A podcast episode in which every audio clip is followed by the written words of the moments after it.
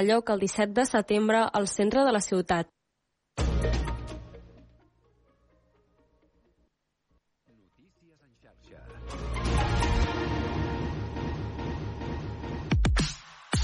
Obert per vacances amb Manel Ferrer.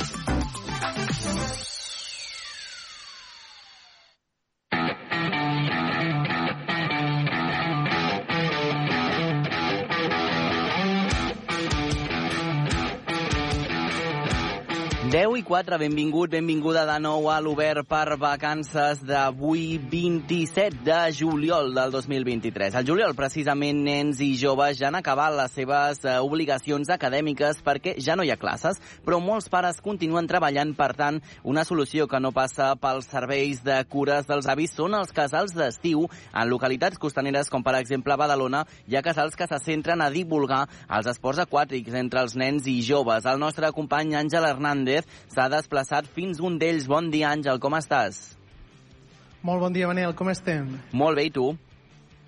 Doncs aquí avui us saludo des de Badalona, des de mm. l'esport nàutic aquí a Espai Mar, i és que avui crec que soc, seré la vostra enveja, perquè he canviat l'estudi de sí. ràdio i l'aire condicionat, sí que és cert, però per venir-me aquí al costat de la platja, i és que ara mateix estic assegut en una cadira, prenent el Carai. sol aquí a la terrassa, la veritat és que estic molt bé, prenent el sol a la terrassa amb vistes al mar del Club Natació Badalona, però és que no estic gaudint aquí sol, m'acompanya mm. amb mi la Emma Bueno, que és la coordinadora de l'Espai Mar, que s'encarrega cada dia d'organitzar totes les jornades esportives aquàtiques que es porten aquest, en aquestes instal·lacions. Molt bon dia, Emma. Molt bon dia, Badalona. Doncs la primera pregunta que et vull fer és que vosaltres organitzeu el propi eh, campus de, dedicat a espais del mar, però que van destinat des de nens i joves des dels 4 anys fins als 18. Però quines activitats en si organitzeu aquí? Correcte, doncs fem totes les activitats nàutiques, des de les més accessibles que pot ser una taula de paddle surf, també fem surf, mm -hmm. kayak, eh, li posem una vela al paddle surf, llavors tenim un windsurf i també ensenyem eh, què és de navegar a vela, que és la nostra passió com a escola de vela del Club Natació Badalona i el patí català, la joia de la casa, òbviament, el nostre patrimoni cultural. Oh, i tant, eh? Que aquest patí català que hem de preservar també. A banda dels casals, quines altres eh, o quins altres usuaris poden tenir accés a aquestes jornades dedicades als esports aquàtics que organitzeu vosaltres? Absolutament a tothom. Tothom mm -hmm. és benvingut. El nostre lema és us obrim les portes al mar. Volem ser un espai accessible per a a tothom, tots els ciutadans de Badalona, veïns, veïnes, són super benvinguts i benvingudes.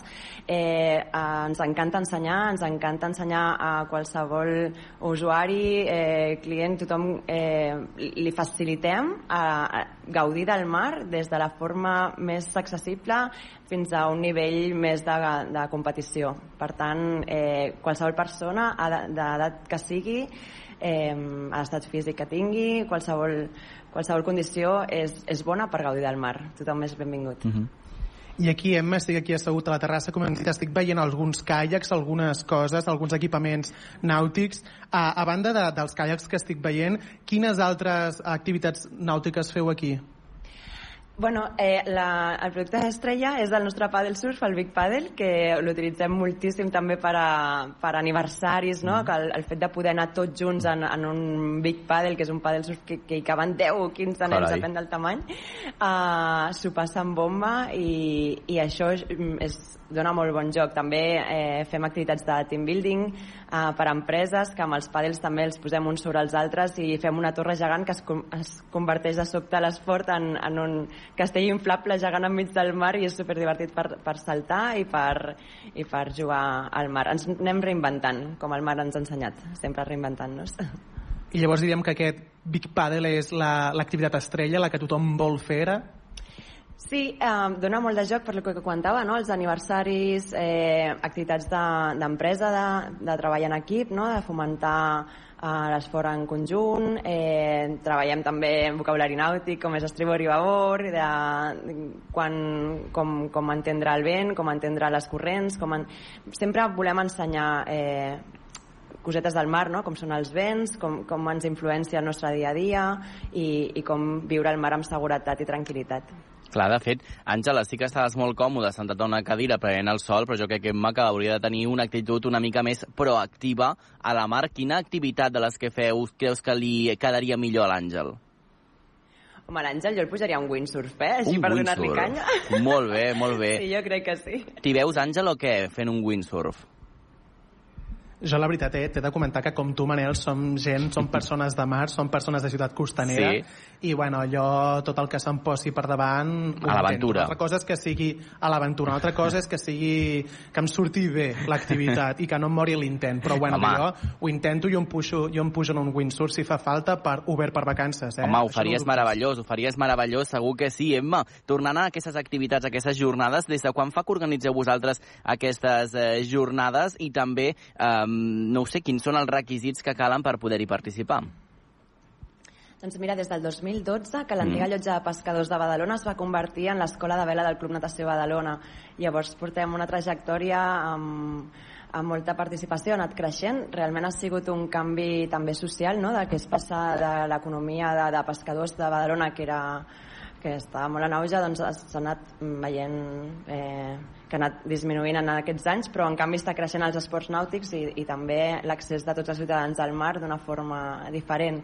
Llavors, eh, doncs ens encanta. Nosaltres la nostra passió és, Mhm. és ensenyar i que més gent conegui els ma el, el mar, eh, que surti a nedar, que surti a gaudir-lo i, i que al final som una ciutat de mar. Eh, tothom hauria de saber què és el pati català, tothom hauria de saber navegar, eh, tothom hauria, igual que a Andorra saben, els alumnes van esquiar, doncs aquí a, la, a Badalona eh, tots els alumnes creiem i tota la gent de, hauria de gaudir d'aquest espai eh, que és molt més gran que un camp de futbol, que molts més camps de futbol que, que tenim aquí per jugar tots. No? Es, volem que es converteixi en un parc d'atraccions i, i no hi ha cap condició. Realment ens encanta ensenyar. Pots venir que no, no sàpigues nedar.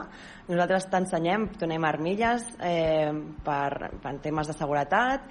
Eh, tenim eh, instructors especialistes, coach, que, que treballen també tota la intel·ligència emocional, no? perquè moltes vegades eh, el que ens impedeix en el mar és, són pors o creences limitants que, que tenim infundades i també les treballem perquè, per superar-les i veure que realment és molt accessible i, i es pot gaudir moltíssim durant tot l'any, no només l'estiu, sinó que a l'hivern seguim. Mm -hmm. Emma, Doncs jo la veritat que estic molt d'acord amb l'Emma i és que, clar, ara nosaltres que ens hem ajuntat aquí dos badalonins molt orgullosos de la nostra Sí. ciutat, hem de posar en valor els nostres esports nàutics perquè Oh, i som una ciutat de mar i de bàsquet, que també s'ha de remarcar. Vol- Volies preguntar alguna sí, cosa? sí, no, era una curiositat que tenia per l'Emma, a veure si ens ho sap eh, resoldre, perquè hem fet abans eh, referència també al eh, patí català. No sé si és el mateix, el patí català i el patí de vela, o són dos terminologies diferents, o ens estem referint a la mateixa embarcació? Ens estem referint a la mateixa embarcació. Val. El patí català, el patí va, va néixer de, de rem, el Mhm. patí de rem, d'acord? Però després se li va incorporar una vela, per això es va també és conegut com patí vela. Però quan parlem de patí català, patí vela és, és la mateixa embarcació. Mm -hmm. Doncs també havies comentat que vosaltres treballeu amb nens i que, que heu d'intentar superar les seves pors i tal. Uh, treballeu amb molts nens, com he dit, molts d'ells són petits i les activitats es fan aquí a l'aigua, llavors heu de tenir en compte uh, doncs uns requeriments de protocols de seguretat per vetllar per la seva, pel seu benestar. Quins són aquests protocols i procediments que, per garantir-les? Òbviament, els més menuts de casa doncs, sempre tenim molt més cuidado en l'hora de les hores d'exposició al sol, a la hidratació, al- eh, fem les activitats potser molt més reduïdes en el, en el seu tamany, no?, de, de personetes que, que estan començant a, a gaudir de la vida i del mar. Llavors, doncs, eh, tenim instructors i instructores especialitzades en, en, aquests, en aquestes edats i adaptem totes les nostres activitats, esports nàutics, a, a lo que seria el, a, la seva, a la seva edat. Per tant, doncs, eh, per exemple, els de, inclús tenim nens de 3 anys que ja volen venir perquè té el germanet o germaneta aquí al campus i, i els acollim amb molt de carinyo i Mm. són els més valents de la casa. La, realment, eh, tenint una, un bon contacte amb ells i explicant-los tots, o sigui, són superespavilats, aprenen rapidíssim i, i amb quatre somriures se'ls en van totes les pors i gaudim moltíssim del mar. Per tant, és això, eh, menys hores d'exposició al sol, estan més a l'ombra, fem més jocs a terra també, més hidratats, els anem muntant de crema cada dos per tres i en canvi els més grans doncs, sí que van més marandins i surten a navegar a vela i, i els donem més canya, no? com li donarem a l'Àngel. Amb Exacte, sí, sí. No, no, això jo ho vull veure i vull que ens expliqueu, perquè l'Àngel ha anat aquí de llest i ha dit, no, jo estic aquí. No, no, Si vas allà és per viure l'experiència 360 amb tots els seus angles. Escolta, Emma, ens feia referència al, als nens petits, que deies que són els que justament tenen més por. Suposo que també un cop perds la por tens molt de guanyant, no?, amb aquestes activitats nàutiques. Clar, clar, se t'obre un món, o sigui, no només els petits, també els grans que també tenen por. Eh, un cop superes aquestes pors és sortir de l'àrea de, de confort, mm. de, la, de la teva caixa, d'on estem acostumats. Al final eh, pues som els humans animals terrestres, no? no? el nostre medi no és el medi aquàtic i simplement el, el fet de posar coneixement eh, i, i informació, donar aquesta sensació de seguretat, de veure que estem els instructors i instructores tranquils i tranquil·les dominant la situació i dirigint l'activitat eh, d'una forma lúdica i, i alhora molt segura, eh, transmet això, no? Llavors, ja és com estar en un parc d'atraccions i quan un salta, el següent salta i tots es van animant. Llavors és, és realment fàcil i gaudir eh, és, és la nostra prioritat perquè per això hem vingut a aquest món, no? Almenys a, a passar-ho mm. bé. Després també has comentat que el vostre campus està obert durant el tot l'any, però ara crec que doncs, les activitats d'aigua s'intensifiquen. Però ara també tenim a les nostres platges uns visitants que són les meduses. Um, què en feu per vetllar pel benestar i que doncs, els nens estiguin lluny d'aquests animalons que ens venen a visitar ara quan les aigües són càlides? Um, doncs bé, la veritat és que realment aquests darrers anys, aquest darrer any hem tingut molt bona visibilitat de, de, del mar de, i llavors és molt fàcil veure les meduses. Nosaltres ens agrada molt treballar el, el tema de que de no posar-nos nerviosos. Eh, les meduses estan en el seu medi, realment som nosaltres els visitants, eh, i respectem, ens encanten les meduses, van molt bé per, per filtrar l'aigua de mar, eh, són, són un ser més en aquest planeta i l'hem de respectar, per tant, si veiem la medusa, la saludem, hola medusa, bon dia, gràcies per netejar-nos l'aigua, eh, i nosaltres continuarem el nostre camí en una altra direcció, i, i simplement això, procurarem mm -hmm. que no, doncs, de no tocar-la i respectar a l'espai de cada una, cada una de nosaltres. Doncs, Emma, moltes gràcies uh, per atendre'ns avui. També et dic, no sé si estàs uh, d'acord amb mi, que això de les meduses em sembla com una altra excusa més de l'àngel per no ficar-se al mar, a veure si hi haurà meduses, a veure si em trobaré un tauró, és a dir, com a excuses diverses per no acabar posant-se al banyador i entrar al mar, Àngel. Em sembla que ens estàs posant excuses ja. Jo t'he de dir que parlo en propietat perquè sí. a mi m'han picat meduses Ui. i fa molt de mal, eh? Escolta'm, de mal. una picadeta de medusa ho estàs dient com si tenés gairebé la vida. Escolta'm, Emma, agafa l'Àngel, posa-li el banyador i que provi alguna activitat aquàtica i després demà, si et sembla, Àngel, ens ho expliques, d'acord? Perfecte, així ho farem. Que vagi molt bé. Moltes gràcies als dos. Fins la propera. Moltes gràcies.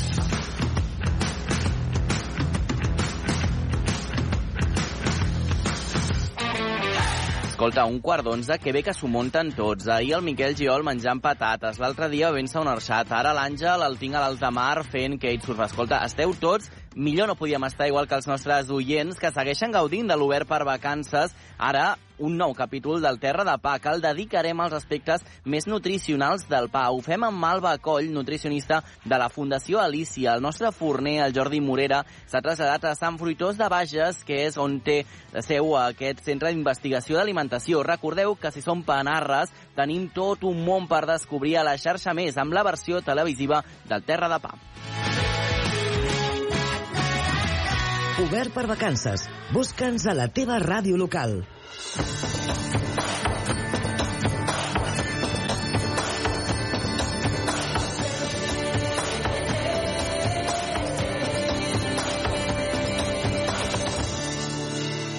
Terra de pa.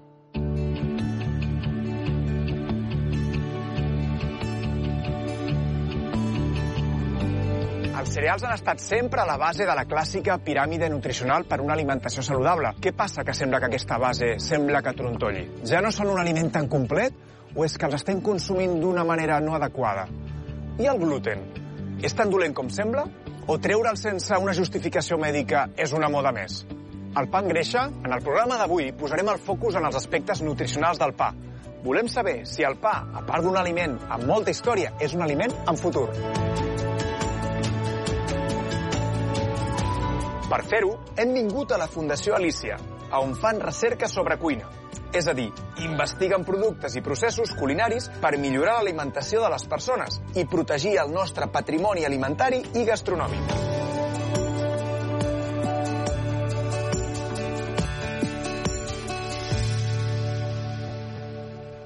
Som aquí amb Alba Coll, nutricionista i tècnica de la Fundació Alícia.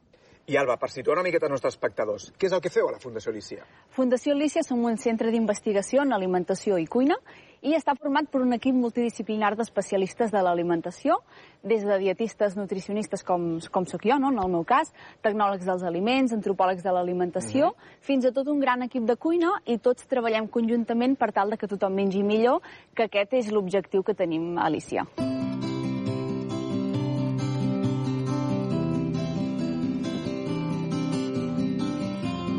en el programa d'avui posem molt els focus en els aspectes nutricionals del pa. Per això t'hem vingut a veure. Des de sempre hem sentit que a la base de la piràmide hi havia els cereals, no? la clàssica piràmide alimentària que ens ensenyaven de petits. Però ara veiem que això està en qüestió. Què, què ha passat? Clar, les recomanacions de salut han anat variant al llarg dels anys. I on abans trobàvem a la base tots aquests farinacis, no? Mm. la pasta, l'arròs, la patata i el pa, entre d'altres, ara han guanyat posició les verdures, fruites i hortalisses, ja que amb l'evidència científica s'han vist que són imprescindibles a incloure com a base de la nostra alimentació. I entenc que aquí entra molt com és aquest pa, com s'ha fermentat i també el tipus de farina, no? Si no és tan refinada... Exacte, o sigui, l'important és la qualitat del pa que estem consumint. Un bon pa de forn, no? Un pa que en els seus ingredients no té greixos ni sucres afegits, per tant, no estem parlant d'un pa industrial, no? Estem parlant d'un bon pa de forn i eh, el més integral possible, no? Prioritzant les farines integrals serà una opció excel·lent a incloure en la nostra alimentació diària. Què hem de pensar sobre el gluten i el pa? Clar, el gluten és aquesta proteïna que trobem en alguns cereals, com el blat, l'ordi, el sègol o l'espelta. Molta gent ara pel seu compte comença a eliminar el gluten de la seva alimentació sense una justificació mèdica prèvia. Llavors, això és un risc, perquè acabem trobant eh, productes d'una baixa qualitat nutricional, ja que el gluten al final ens dona una estructura amb un producte que quan el traiem se'ls ha d'afegir greixos i sucres moltes vegades per cobrir aquesta funcionalitat. Una llarga fermentació, especialment en massa mare, degrada una miqueta aquest gluten. Exacte, a través de la fermentació, aquests microorganismes, aquests bacteris i llevats, el que fan és degradar algunes proteïnes que trobem a la farina de, del pa. Val? Llavors, acabem obtenint un pa que és molt més fàcil de digerir, que es tolera molt més bé a nivell digestiu. Hem parlat farines refinades, gluten, però ara ve un que jo crec que és una miqueta més complicat, que és el tema dels low carb, no? Baixar els carbohidrats de les nostres dietes, del nostre menjar dia a dia. Aquí el pa té poc a defensar perquè és un dels reis del, dels carbohidrats. Com, com hem de fer això? És complicat en aquest sentit, llavors eh, aquí hauríem de jugar amb consumir eh, una menor quantitat de pa i prioritzar altres aliments que no tenen hidrats de carboni en la seva composició, però, si no, des de la Fundació Ilici també hem realitzat alguns projectes on hem intentat formular un pa eh, a, a banda de sense gluten amb una baixa quantitat d'hidrats de carboni perquè el puguin prendre pacients doncs, que han de seguir una dieta cetogènica i que és una, una modificació en l'alimentació molt important i molt complicada. I del tema dels blats antics, té relació amb el que estem parlant de digestibilitat del gluten? Sí, de fet, amb els blats antics s'ha vist amb una mica d'evidència científica que tenen un perfil nutricional una mica diferent. Per exemple, a nivell proteic el, la, hi ha un major contingut en proteïna val? i a nivell de vitamines i minerals també s'ha vist que està un, una mica incrementat. També a nivell de digestió, no? de com es toleren a, aquests cereals, no? s'ha vist que es toleraven molt millor amb alguns estudis científics que hem trobat al respecte. Tot i això, la recomanació segueix sent prioritzar la versió integral a la versió refinada. I per última, no puc marxar sense no fer-te-la. El pa engreixa? La clàssica.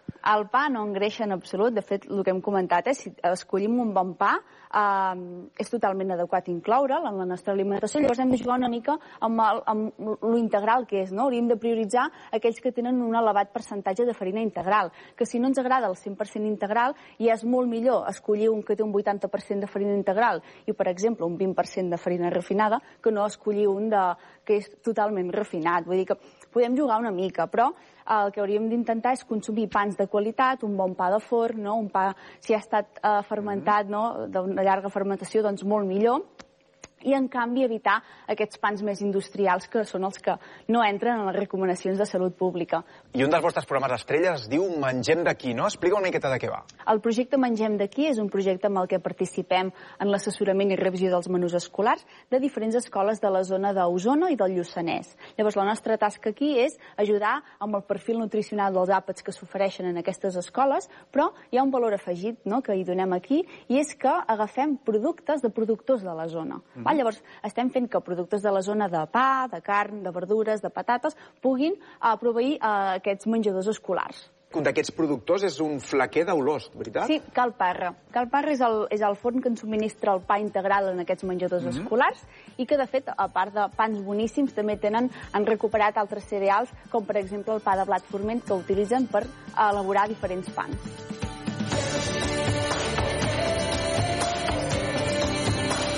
Terra de pa.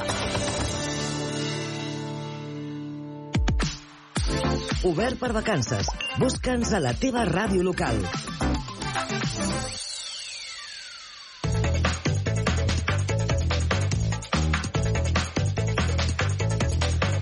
Sis minuts per arribar a dos quarts d'onze del matí. Seguim a l'obert per vacances i ara ens n'anem de nou cap a Vic per veure on són els nous. En aquest cas, el nostre company del nou FM, l'Eudal Puig. Bon dia, Eudal, de nou. Com estàs? Bon dia, Manel. Tot bé? Ens has deixat amb aquesta intriga al principi del programa. Ens has dit que avui descobriríem un tema vinculat amb la pell. Què més ens pots explicar ara? Doncs mira, t'explico que ara som en un museu que potser no és el més conegut d'aquí de la capital, però que portes endins aquí amaga eh, part de la història de la ciutat de, de la capital d'Osona. Uh -huh. Som al carrer Bisbe Alemany, pràcticament al costat de l'estació del tren, més o menys perquè ens entenguem, a 5 minuts caminant, i estem ara mateix a dintre del Museu de l'Art de la Pell -huh. i anirem a parlar amb en Jordi Colom, que és un dels treballadors d'aquí del museu, que és el que ens atendrà, i amb ell intentarem aprofundir i descobrir una miqueta part del passat adober que amaga la ciutat de Vic i també, a banda, descobrirem què és el que amaga, això portes endins, aquest Museu de l'Art de la Pell que hi ha aquí a Vic i que, ja t'ho ja avanço, està ple de coses que ens ho descobrirà en Jordi. És per això que el saludem. Jordi, molt bon dia i gràcies per atendre'ns aquí a l'Obert per vacances. Bon dia, gràcies a vosaltres. Escolta'm, uh, abans de, de parlar del museu, que és aquí on estem ara, si et sembla, parlem una miqueta del passat adober de, de la ciutat de Vic. Què ens en pots explicar? Bé, el passat adober és un passat antic de la ciutat, vull dir que ens remuntem a l'època medieval i en què fins i tot podríem trobar gent que defensaria la idea que podríem arribar més, més antic, en època ibèrica o en època romana. Sí que tenim aquest primer document del 1147 en què es fa una donació al barri de les Clotes, per tant ja t'està marcant que té un nom, ja hi ha una tradició allà, i en aquest cas les clotes són els forats que s'utilitzaven per poder adobar la pell. Encara avui en dia, després d'unes intervencions que s'han fet al pont romànic, el pont de Caral que està al costat de les adoberies, s'hi ha trobat alguna, alguna clota eh, en aquestes excavacions i per tant s'ha pogut documentar una miqueta més. Per tant estem parlant d'un passat llarg de relació amb la nostra ciutat que es va acabar fa pocs anys, encara continua alguna, alguna testimoni mm. i també tenim el museu com a, com a gran exemple del que havia sigut. Jordi, bon dia. Vic, com ens explicaven eh, al principi, era un centre d'UB molt important a Catalunya. Fes-nos una mica de context. Per què era tan, tan important?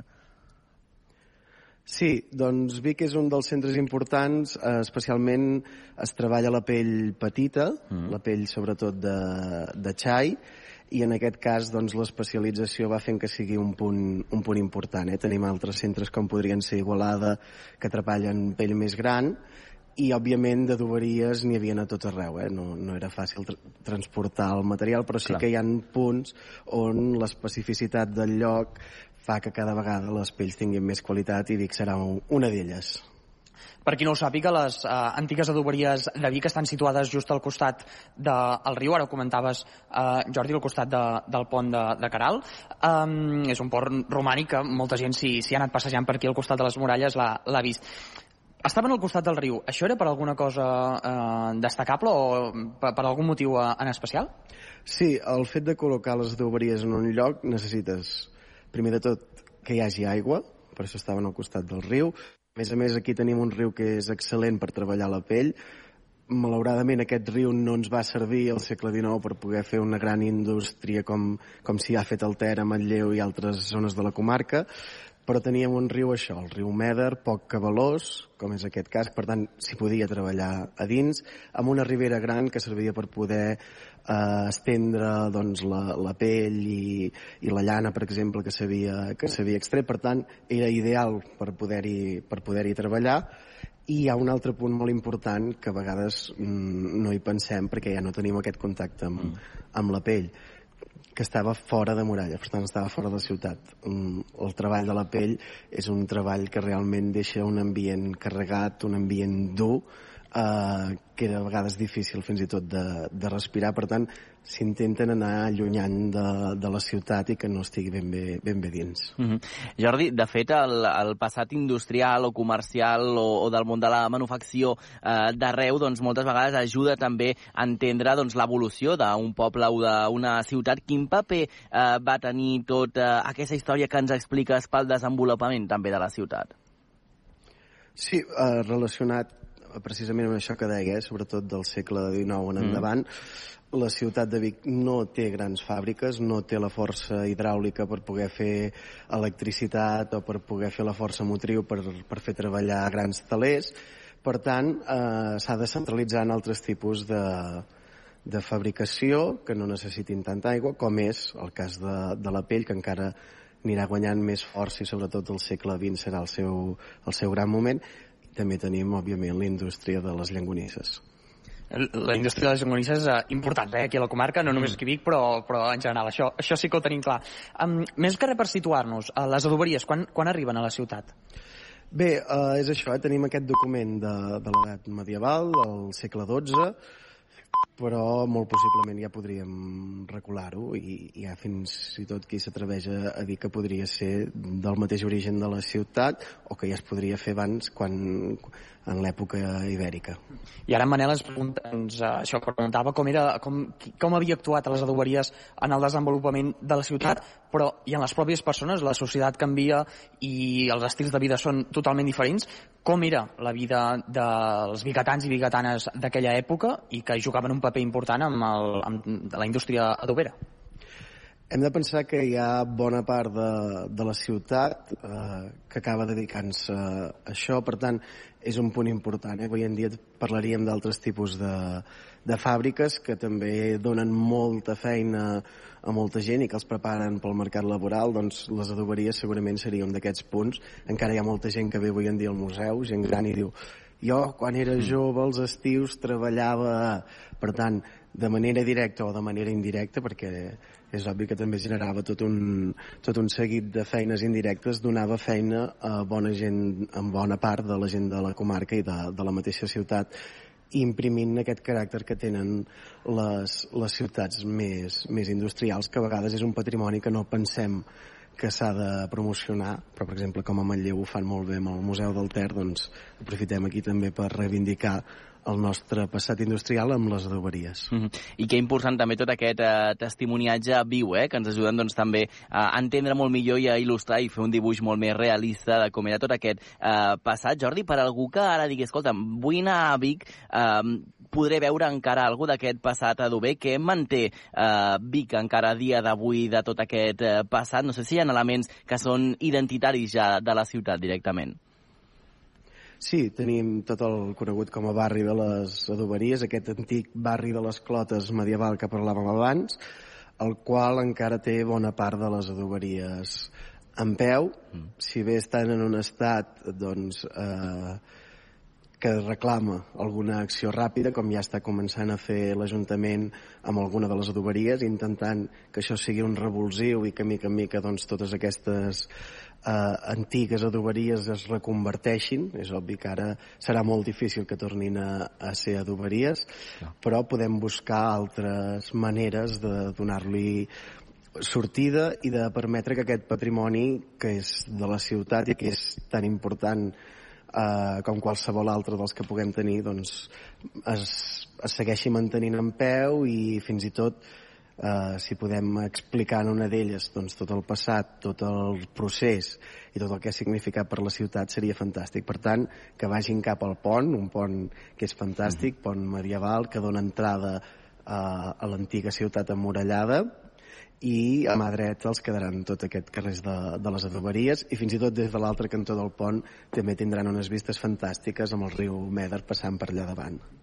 Si us sembla, ara parlem més sobre on estem ara, aquí al Museu de l'Art de la Pell, perquè de fet és el que us comentava al principi de la connexió, eh? parlàvem de les històries de la ciutat, aquest passat, però parlem també una miqueta de l'actual. Ara estem aquí al Museu de la Pell, estem a dintre, i veiem un munt de eh, peces d'aquesta col·lecció de, del Museu de l'Art de la Pell que tracten to, sobretot el, el tema de, de com estava l'art o com, què hi havia en l'art de la pell, com bé, com bé diu el nom, evidentment. Um, per qui no ho sàpiga, com definiries tu el Museu de l'Art de la Pell? El Museu de l'Art de la Pell és la col·lecció privada del senyor Andreu Colomer Montmany, un dels pallaires, de fet, la palleria Montmany arriba a celebrar el bicentenari, eh, s'instaura el 1792, i Andreu Colomer Montmany, juntament amb els seus dos germans, doncs, eh, s'encarreguen de tirar endavant aquesta, aquesta doberia o aquesta palleria, com els diem aquí a la ciutat de Vic, i llavors ell, el 1941, se'n va de viatge de noces amb la seva senyora a Toledo i allà compra una pandereta feta en pell. De fet, la tenim a l'entrada del museu, rebent a la gent que arriba i és una mica l'embrió.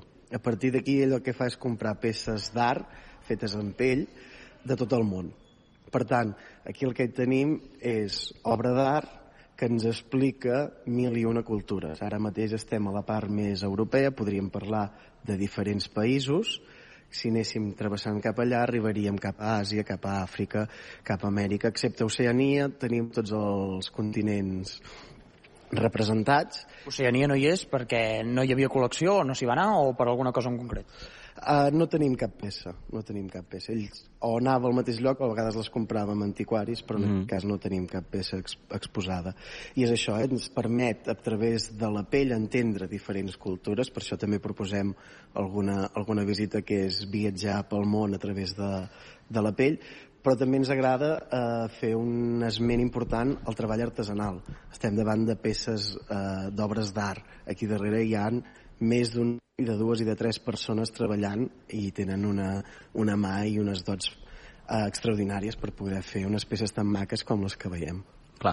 Eh, Jordi, què fa que el Museu de l'Art de la Pell de Vic sigui únic i també diferent a d'altres museus que podem trobar arreu d'art o d'història? Bé, com a museu de la pell és diferent perquè... Perdó, perquè és art fet amb mm. pell, no expliquem el, el procés en si, sinó que el que veiem és un cop tens la pell adobada, un cop la pell ja no se't fa malbé, que és el procés d'adob, què en pots fer? I realment es poden fer mil i una decoracions, mil i una utilitzacions, eh? perquè la pell pot ser molt flexible per poder recobrir sabates, poder recobrir caixes, o pot ser tan dura que en puguis fer un escut i com a museu així amb més història doncs, té peces molt singulars com podrien ser les arquimeses que tenim allà al fons, la cadira de mà, que és aquestes típiques cadires que veiem portades per, moltes vegades per esclaus, per criats en les pel·lícules, o fins i tot una cadira de gòndola. N'hi han poques cadires de gòndola que es puguin veure en un museu i aquí en tenim una d'exposada. De, per tant, tenim algunes peces singulars que ara, a més a més, volem crear-los un espai per acabar de singularitzar-la, per acabar-les de fer especial i fins i tot amb peces que, que mirarem doncs, de, de reubicar i crear aquest petit espai eh, dotant aquestes peces que ja són prou singulars doncs, d'un doncs, caràcter encara més especial. Ara ens ho comentava en Jordi, si, mira, si et sembla, sí. avancem una miqueta, ens estem movent per aquí al museu i comentava el tema d'aquestes arquimises, em sembla que ho dit bé, arquimeses. Què ens expliques? Estem veient aquí, just davant nostre, tres caixes de diferents mides i a dintre tenen una mini porteta, una petita porteta, i a dintre tenen diverses caixes, encara més. Què ens expliques d'aquestes uh, arca, arquimeses? Um, per què servien? Per què s'utilitzaven i qui les tenia? Perquè això hauria de tenir una persona amb un nivell socioeconòmic econòmic entenc que bastant alt.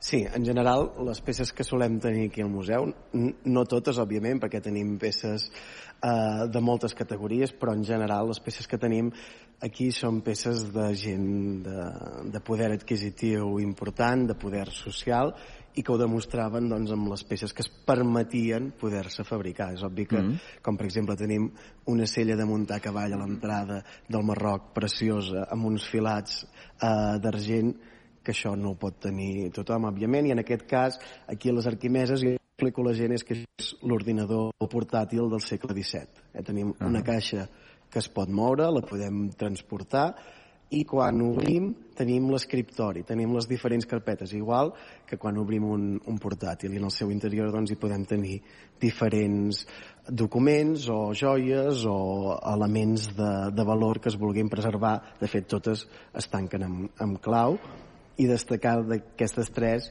aquesta primera d'aquí que tenim la de la Jerusalem alliberada, que ens explica doncs, tota una, una invasió a una ciutat. Eh? Veiem tot un exèrcit preparat per invadir una ciutat i a partir d'aquí podem fer mil i una lectures. Eh? Hi ha qui pensa que és un rei eh, catòlic doncs, fent una croada, hi ha qui pensa que seria Alexandre Magna eh, a punt d'entrar a la ciutat de Tebes, però en general el que veiem és aquests soldats i tota la iconografia que hi ha al seu voltant que ens pot permetre parlar de multitud de coses, eh? de la moda del moment, de la mitologia o fins i tot de les mateixes croades. Per tant, és això, el museu aprofitem per, a partir de les peces, anar més enllà i eh, parlar més a fons de, de cada una d'elles i de què en podem treure. Mm -hmm. Jordi, gairebé per uh, anar acabant, ara estem en aquesta època d'estiu, en aquestes setmanes d'estiu, per si algú es vol apropar a veure-us,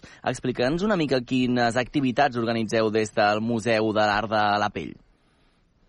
Aquest Museu de l'Art de la Pell té dues plantes, ara som a la primera, mm. llavors n'hi ha una de superior.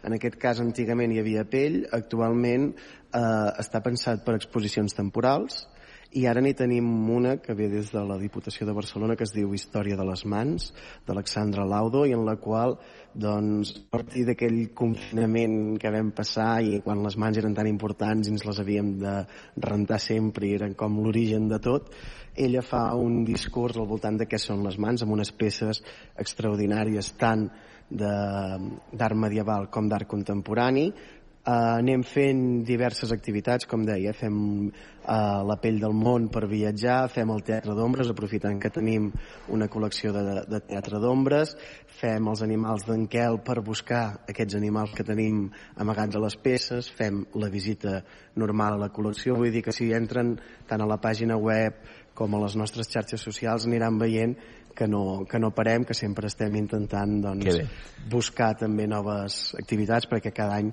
intentem doncs, crear activitats noves per atreure nous públics i perquè els que hi han vingut tornin al museu, mm. que sempre és motiu d'alegria ha anat sortint al llarg de, de l'entrevista que tenim una col·lecció que és permanent i una altra de temporal, que ens expliques quina diferència hi ha en cadascuna i també comentaves que eh, en aquest sentit el fet de que fos al principi la creació d'aquest museu una eh, col·lecció privada canviava molt també la història del museu.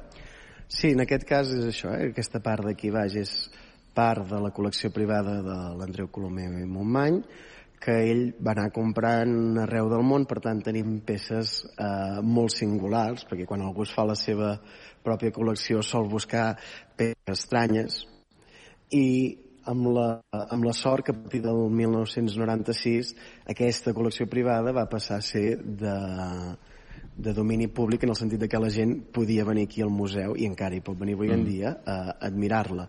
I la part de dalt doncs, tenim una sala d'exposició temporal que és fantàstica, que molta gent li agrada poder venir perquè té molt de lloc, hem de pensar que és tota una ala d'aquest antic convent, que era el convent del Carme, i en aquest cas podem fins i tot segmentar en diferents sales. Ara mateix eh, l'exposició que deia d'Història de les Mans ens ocupa la sala gran i la meitat del passadís, però encara ens queda tot un altre tros de passadís i la sala petita que no és gaire petita. Per tant, aquí anem mirant de portar diferents propostes, propostes mm -hmm. més modernes, propostes eh, que ens expliquin també la història de, de la ciutat en funció també del que la gent ens vagi oferint. Vull dir que moltes vegades són els mateixos artistes o els mateixos comissaris d'alguna exposició que se'ns ofereixen per mirar que com podem encabir la, la seva proposta. Molt bé, doncs... Doncs Manel, mira, ja ho veus, Digue'm. estem aquí al museu sí, i, sí. i ja ho saps, si vols venir qualsevol dia, aquí tens el Museu de l'Art de la Pell doncs fet. per vindre a veure totes aquestes obres d'aquí d'Europa, de tot el món, al costat de la plaça per anar a prendre alguna coseta i per descobrir Vic i el passat Adober. Molt bé, doncs fet, et deixem, eh, Eudal, tu que acabis de gaudir d'aquesta visita i li donem de nou les gràcies al Jordi Colom per haver-nos atès. Que vagi molt bé, fins la propera. A tu, salut. Adéu.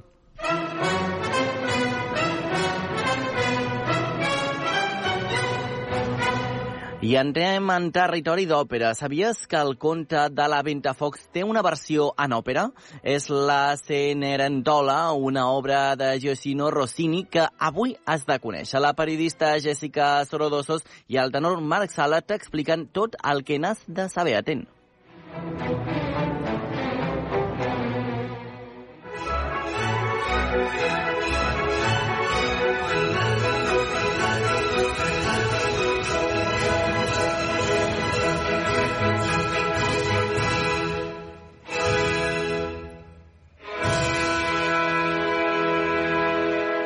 Rossini, Rossini, visca Rossini.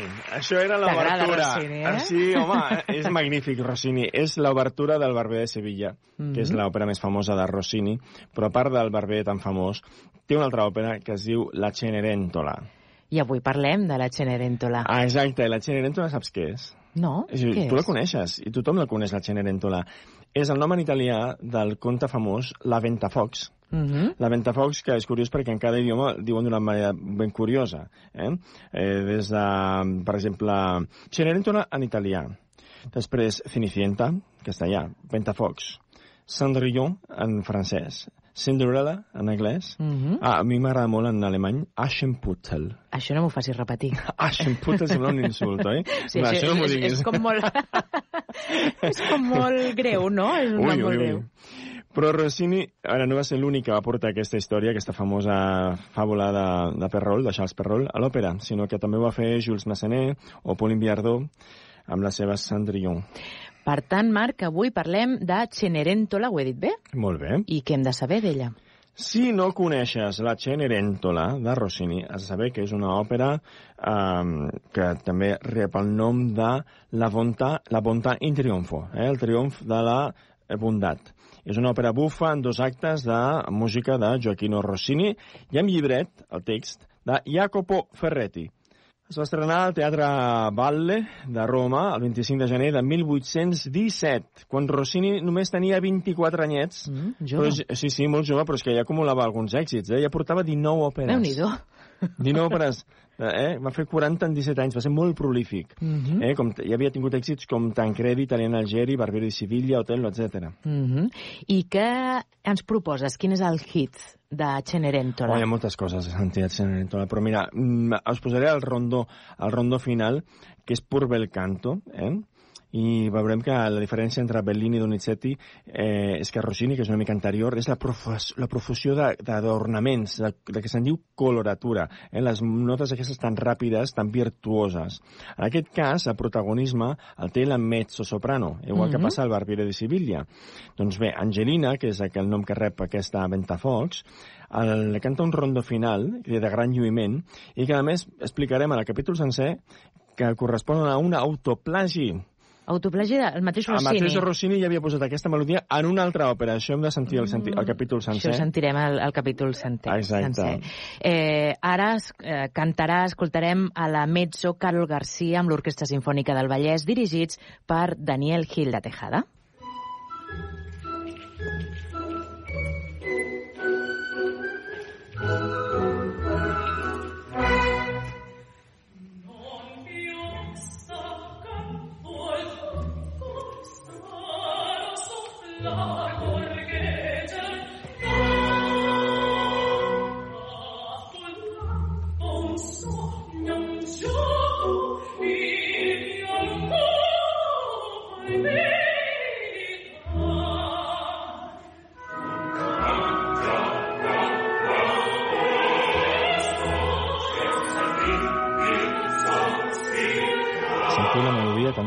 Tan tranquil·leta, tan bonica, mm -hmm. però Mhm. compte que ara començaran els focs artificials. Ai, que enganya. Anem.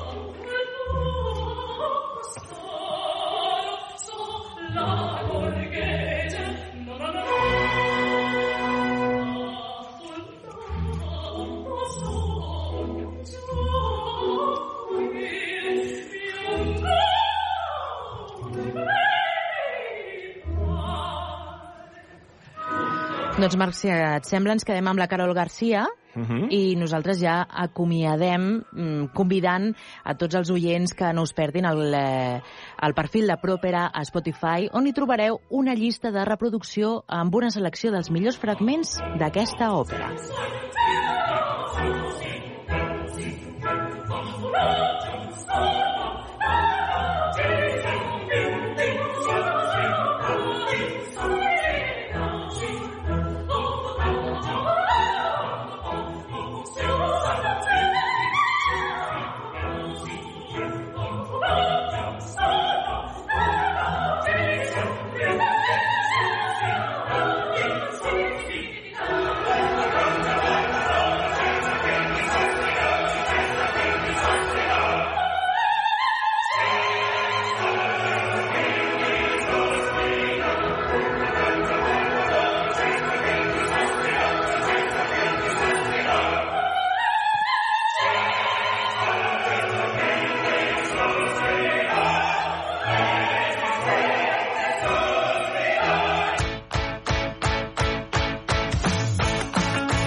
per vacances. Cada matí, de 9 a 11, a la teva ràdio local. Que ens agrada l'òpera, eh? Estaríem estona i estona escoltant-la. Uh, dit això, recordeu, eh? Si teniu encara més ganes, ho podeu recuperar sempre que vulgueu a la xarxa més. I dit això, és el moment d'obrir la nostra agenda per repassar la nostra agenda cultural arreu de Catalunya. Ho fem juntament amb l'Àlex Riba. Bon dia, Àlex, de nou, com estàs? Bon dia, Manel. Genial, eh? Escolta'm, ja per repassar sí, sí, agenda, tenim digue'm. moltes ganes de poder repassar aquesta agenda per començar a vendre nota de coses que podem començar a fer a partir d'ara mateix. Per on comencem? Doncs eh, mira, comencem amb un festival internacional de música que, ojo, compta perquè no se celebra a la Costa Brava, sinó a Cambrils. Es tracta d'una cita imprescindible per a tots aquells i aquelles que estiguin estiuejant per la Costa Daurada. Molt bé. L'esdeveniment arrenca demà divendres amb els Gypsy Kings i per l'escenari cambrilenc passaran artistes com Stay Homes, els Amics de les Arts, Pablo López, Rosario o Miqui Núñez. No sé si tu, Manel, et quedes amb algun d'aquests. Quin cartell. Home, tindria diferents. Em quedaria potser amb Rosario, inclús amb Pablo López, però com sonen aquests Gypsy Kings, eh? Mi afortunadamente sí. Home, és un molt bon elenc d'artistes en una de les millors eh, destinacions seguríssim turístiques del sud de Catalunya. Què més tenim, Àlex? Doncs com que la cosa va de festivals, a Sallent estan a punt de culminar dos cicles de concerts. Un més clàssic al castell del municipi i un altre més mogut anomenat Concerts de Gresca a la Fresca. Mm. Pel que fa al festival dins del castell, doncs aquest finalitzarà dissabte amb l'actuació de The River Troop Gospel, el cor sallentí que promet una performance amb energia, força, sentiment i il·lusió. Un dels organitzadors i pianista del grup, Jaume Riu, ex expressa la seva satisfacció davant l'augment de públic en aquesta edició. A veure si el podem sentir. Eh, sobrepassar o arribar a les 200 persones eh, no ens havia passat mai. Bueno, és que de fet no havíem arribat mai a les 200 persones, ni el dia de, ni els anys de la Judit Nederman ni la Marta Robles ens havien quedat a les portes però no hi havíem arribat mai, per tant doncs estem molt contents. D'altra banda, els concerts de Gresca a la Fresca eh, finalitzaran demà a les 10 de la nit a la plaça Sant Antoni Maria Claret, amb una actuació gratuïta que promet bona festa. Manel. Doncs no ens la perdrem, dues opcions diferents en un mateix municipi, no ens podem queixar, eh? I amb què acabarem, Àlex? Doncs per a concloure l'agenda d'avui us proposo un viatge fotogràfic pel Liceu de Barcelona. Mm. I és que el teatre acull un recull d'imatges fetes per Antoni Bufill, el fotògraf oficial del Liceu durant 44 anys. La mostra està disponible fins aquest diumenge. És a dir, que és la darrera trucada per a veure algunes de les millors instantànies dels artistes que han pujat a l'escenari del teatre barceloní. I, si aneu i us agraden molt les imatges, Sí. al mateix Liceu podeu comprar un llibre que les recull totes. Home, doncs és perfecte poder-te emportar també aquest eh, record cap a casa. Àlex, amb quina de les propostes que m'ha explicat quedaries tu avui?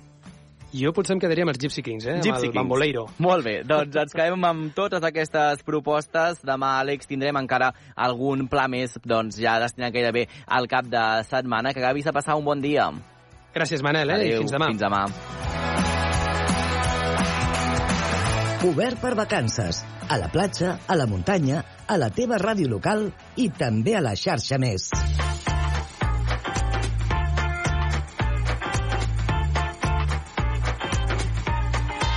I quan falten gairebé 7 minuts per al punt de les 11 del matí és el moment d'obrir el nostre concurs de la cançó de l'estiu. Per això hem de saludar la nostra companya Anna Gasol. Bon dia, Anna, de nou. Hola, hola, Manel. Com Escolta, estàs? quin acabament més musical, Home, eh? totalment. Òpera, Gypsy Kings, És cançó de l'estiu. és perfecte, això. Uh, no parem de rebre missatges, Anna, dels nostres oients que volen participar en el nostre concurs de la cançó de l'estiu, eh?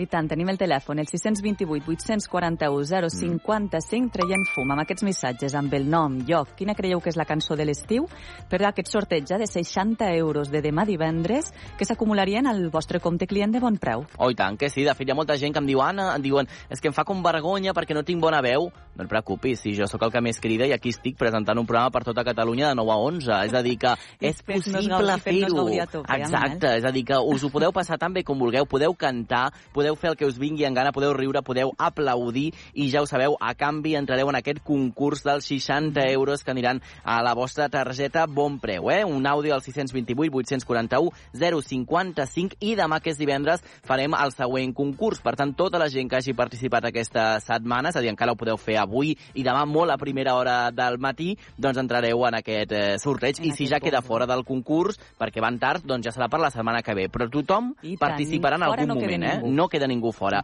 Tenim més respostes, Anna? Tenim més respostes, a més de les que ens agraden, Manel, Mm. perquè els més petits de casa Oh, s'han tornat a fer sentir.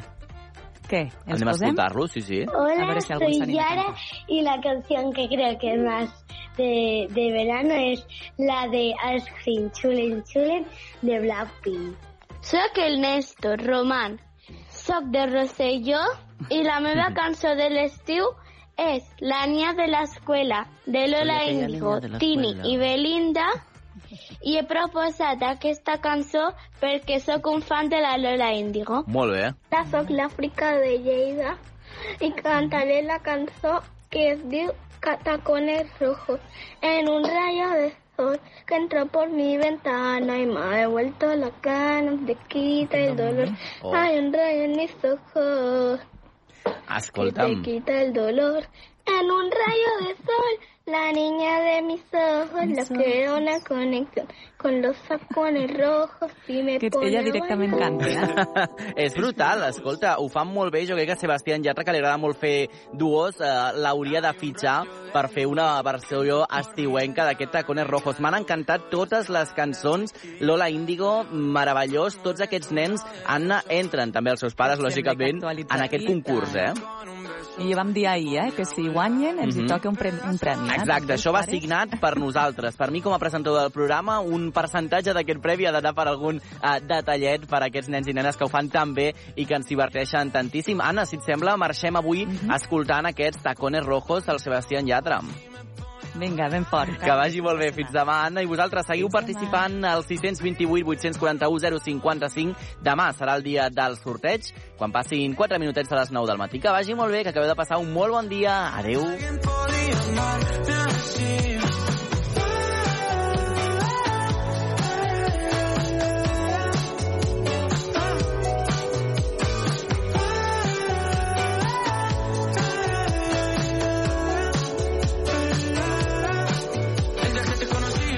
me dejé llevar, me morí, reviví en el mismo bar. Solo entraba para emborracharme, ey, no esperaba enamorarme de ti, ni tú de mí pasó así. Y así empezó nuestra historia, no falla mi memoria. Yo te dije, baby, ¿qué haces tú por aquí? Así empezó nuestra historia y te llevé pa' Colombia, mi pedazo